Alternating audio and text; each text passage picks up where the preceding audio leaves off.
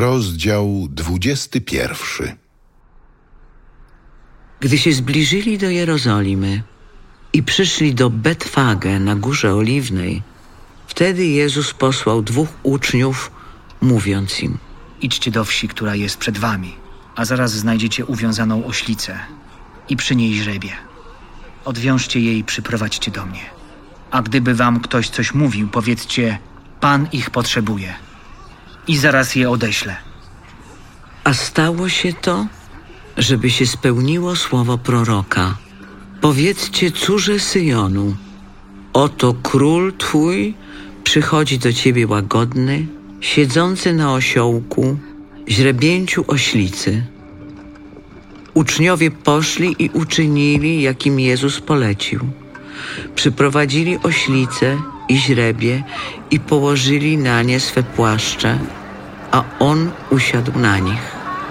Tłum zaś ogromny słał swe płaszcze na drodze, a inni obcinali gałązki z drzew i słali nimi drogę. A tłumy, które go poprzedzały i które szły za nim, wołały głośno. Hosanna synowi Dawida! Błogosławiony ten, który przychodzi w imię Pańskie! Hosanna na wysokościach!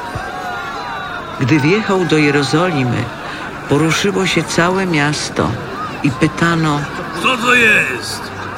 a tłumy odpowiadały. To jest prorok! Jezus z Nazaretu w Galilei! A Jezus wszedł do świątyni i wyrzucił wszystkich sprzedających i kupujących w świątyni. Powywracał stoły tych, którzy zmieniali pieniądze oraz ławki sprzedawców gołębi. I rzekł do nich: Napisane jest: Mój dom ma być domem modlitwy, a wy czynicie go jaskinią zbójców.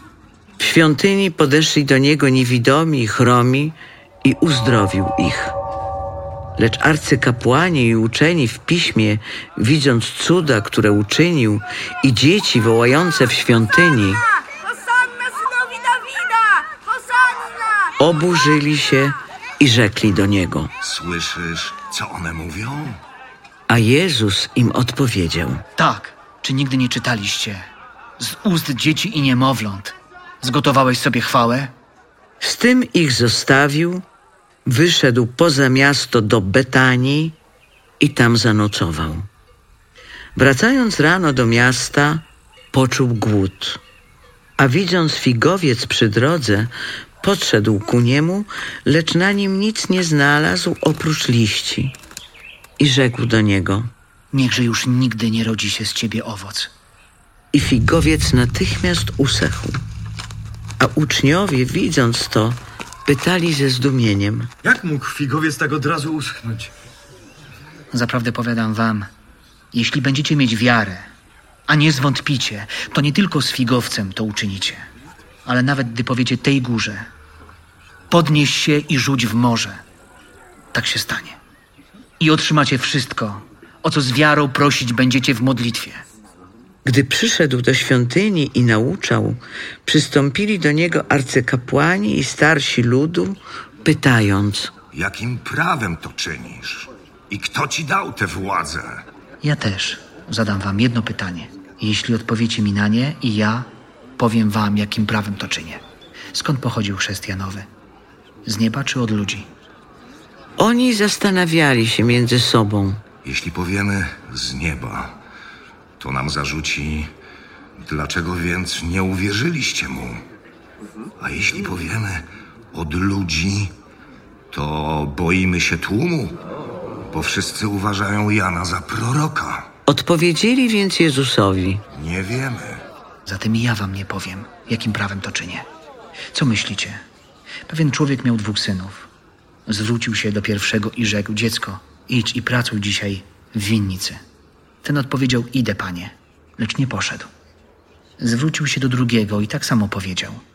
Ten odparł: Nie chcę. Później jednak opamiętał się i poszedł.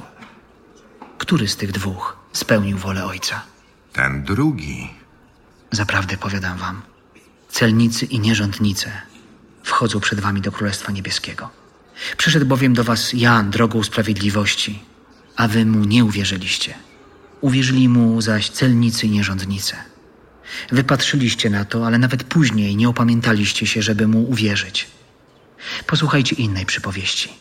Był pewien gospodarz, który założył winnicę, otoczył ją murem, wykopał w niej tłocznie, zbudował wieżę, w końcu oddał ją w dzierżawę rolnikom i wyjechał. Gdy nadszedł czas zbiorów, posłał swoje sługi do rolników, by odebrali plony jemu należne. Ale rolnicy chwycili jego sługi i jednego obili, drugiego zabili, trzeciego zaś ukominowali. Wtedy posłał inne sługi, więcej niż za pierwszym razem, lecz i z nimi tak samo postąpili. W końcu posłał do nich swego syna, tak sobie myśląc: Uszanują mojego syna. Lecz rolnicy, zobaczywszy syna, mówili do siebie: To jest dziedzic. Chodźcie, zabijmy go, a posiądziemy jego dziedzictwo. Chwyciwszy go, wyrzucili z winnicy i zabili.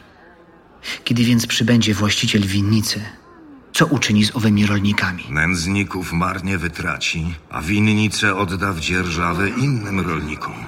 Takim, którzy mu będą oddawali plon we właściwej porze.